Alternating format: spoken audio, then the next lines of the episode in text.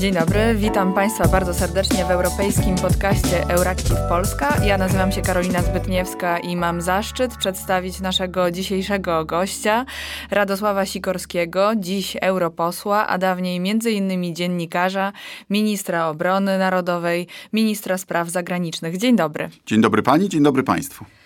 Chciałam się zapytać może na początku, ponieważ e, wczoraj gościł w Parlamencie Europejskim francuski prezydent Emmanuel Macron. Francja zaczęła właśnie prezydencję w Radzie Unii Europejskiej. Jednocześnie trwa kampania prezydencka do kwietniowych francuskich wyborów.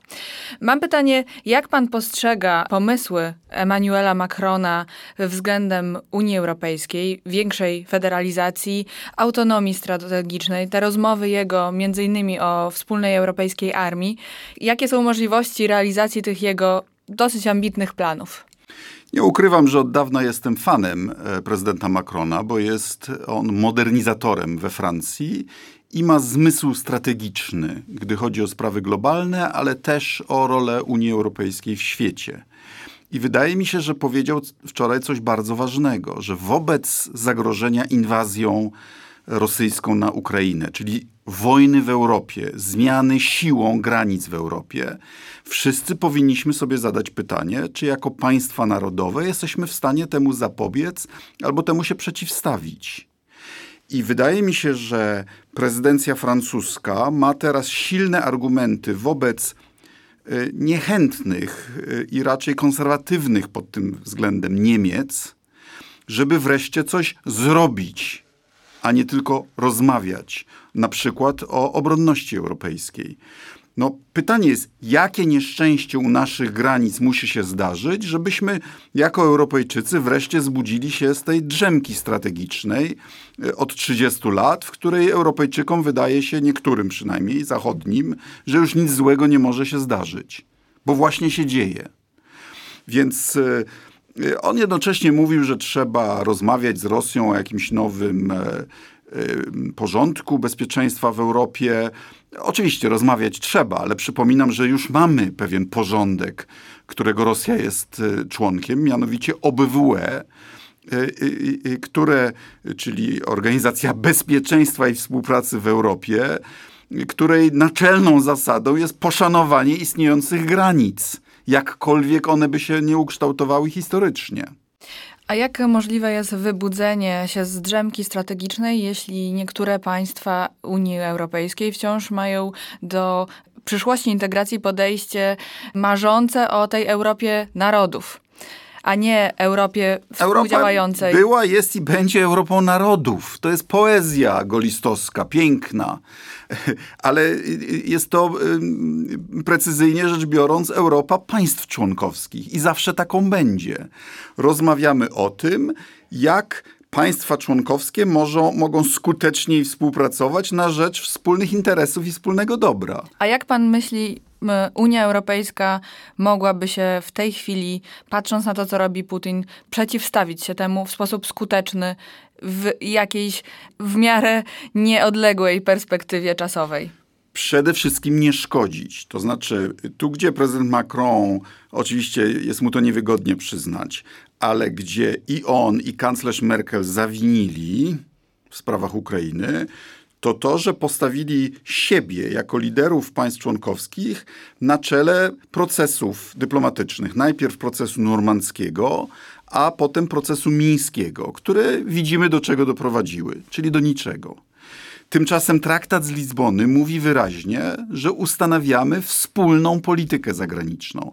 To znaczy, spieramy się i walczymy o nasze interesy narodowe w Radzie do Spraw Zagranicznych tam dogadujemy się, osiągamy zgodę, konsensus, kompromis, uzgadniamy wspólną linię i potem pozwalamy wysokiemu przedstawicielowi i szefowi Rady Europejskiej prezentować tą politykę na zewnątrz.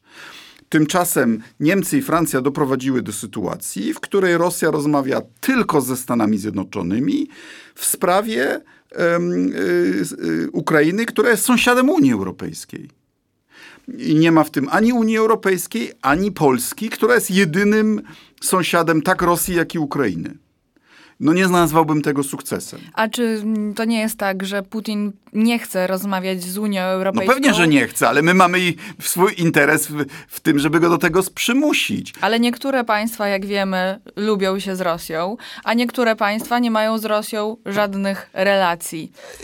Jak te interesy i podejścia do i Rosji, i integracji europejskiej pogodzić w polityce wspólnej, zagranicznej? Czy ona widzi pan możliwość, biorąc pod uwagę charakter rządów w państwach członkowskich NATO?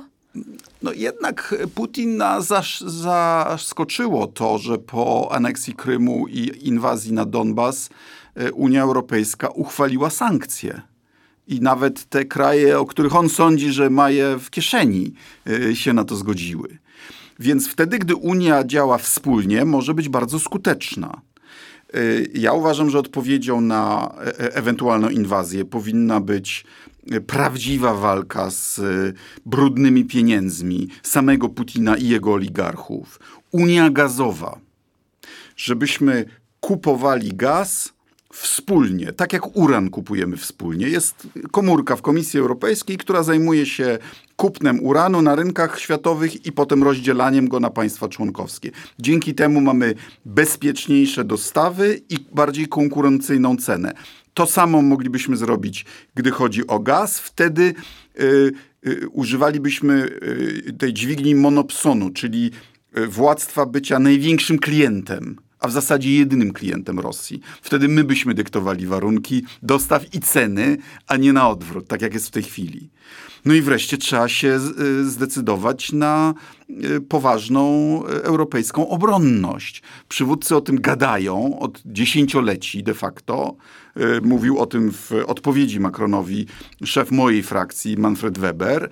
A tu trzeba wreszcie coś zrobić. Niby mamy budżet europejski obronny, ale on jest mikroskopijny. W naszych pro propozycjach Europejskiej Partii Obywatelskiej, Ludowej, do konferencji na temat przyszłości Europy mówimy o komisarzu do spraw obronności, o Radzie do spraw obronności i do, o siłach szybkiego reagowania, które ja nazywam Legionem Europejskim.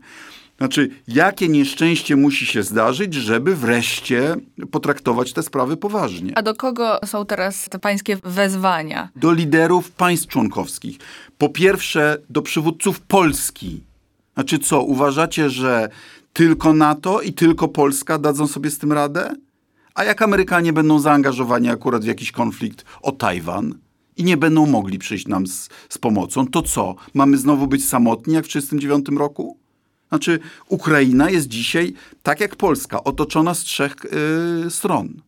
A, a my jesteśmy izolowani. Złe stosunki z Niemcami, złe stosunki z Francją yy, i takie sobie stosunki z administracją yy, Bidena. A znaczy, pan... to naprawdę nie jest dobry czas na, tą, na ten izolacjonizm, o którym mówi Kaczyński.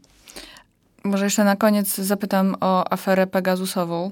No to jest niebr, niebr, niebywały skandal, sto razy gorszy od afery Watergate. Przypominam, że tam jacyś, jakiś kilku chuliganów weszło fizycznie do siedziby Partii Demokratycznej, do sztabu, żeby parę kartek papieru wykraść.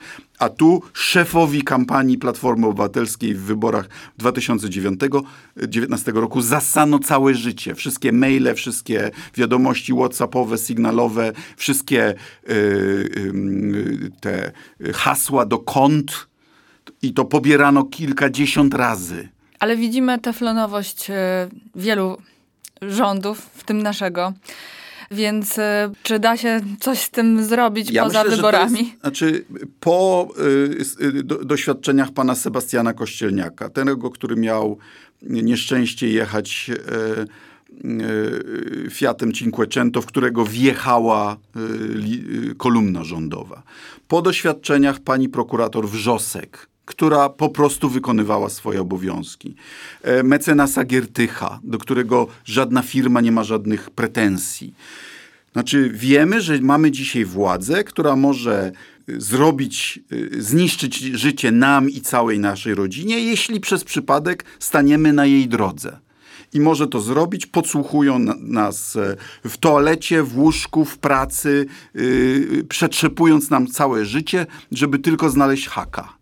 Znaczy, to jest pytanie, czy chcemy żyć w takim kraju? Bo to jest, znaczy, SB za komuny nie miała takich zdolności i nie robiła takich rzeczy, jak robią ci goście. No tak, ale Unia Europejska Polski ze swojej drużyny europejskiej nie może wyrzucić. I jak jeżeli widzimy, rząd, żadne jeżeli sankcje rząd nie zrobi działają. to, co postuluje Ziobro, to znaczy y, uzna y, y, wielkie części traktatów europejskich za niezgodne z, polskim, z polską konstytucją i przestanie płacić składki, bo oni te, to postulują, to Polska z Unii Europejskiej wypadnie. Znaczy, jeszcze niedawno niektórzy z Państwa dziennikarzy, gdy my mówiliśmy o groźbie polexitu, polexitu, wątpili. Przyzna Pani, że niestety wychodzi na nasze i trzeba temu zapobiec. Trzeba. Mogę się tylko zgodzić, bo myślę, że Unia Europejska jest jednym z ostatnich bastionów walki o utrzymanie demokracji liberalnej w państwach członkowskich Unii Europejskiej, a także w tym wolność mediów. A debatę o Pegasusie będziemy mieli na następnej sekcji tu w Strasburgu w lutym z inicjatywy polskiej delegacji y, części Europejskiej Partii Ludowej. Bardzo dziękuję, panie pośle. Dziękuję również państwu. Do usłyszenia. Dziękuję, do widzenia.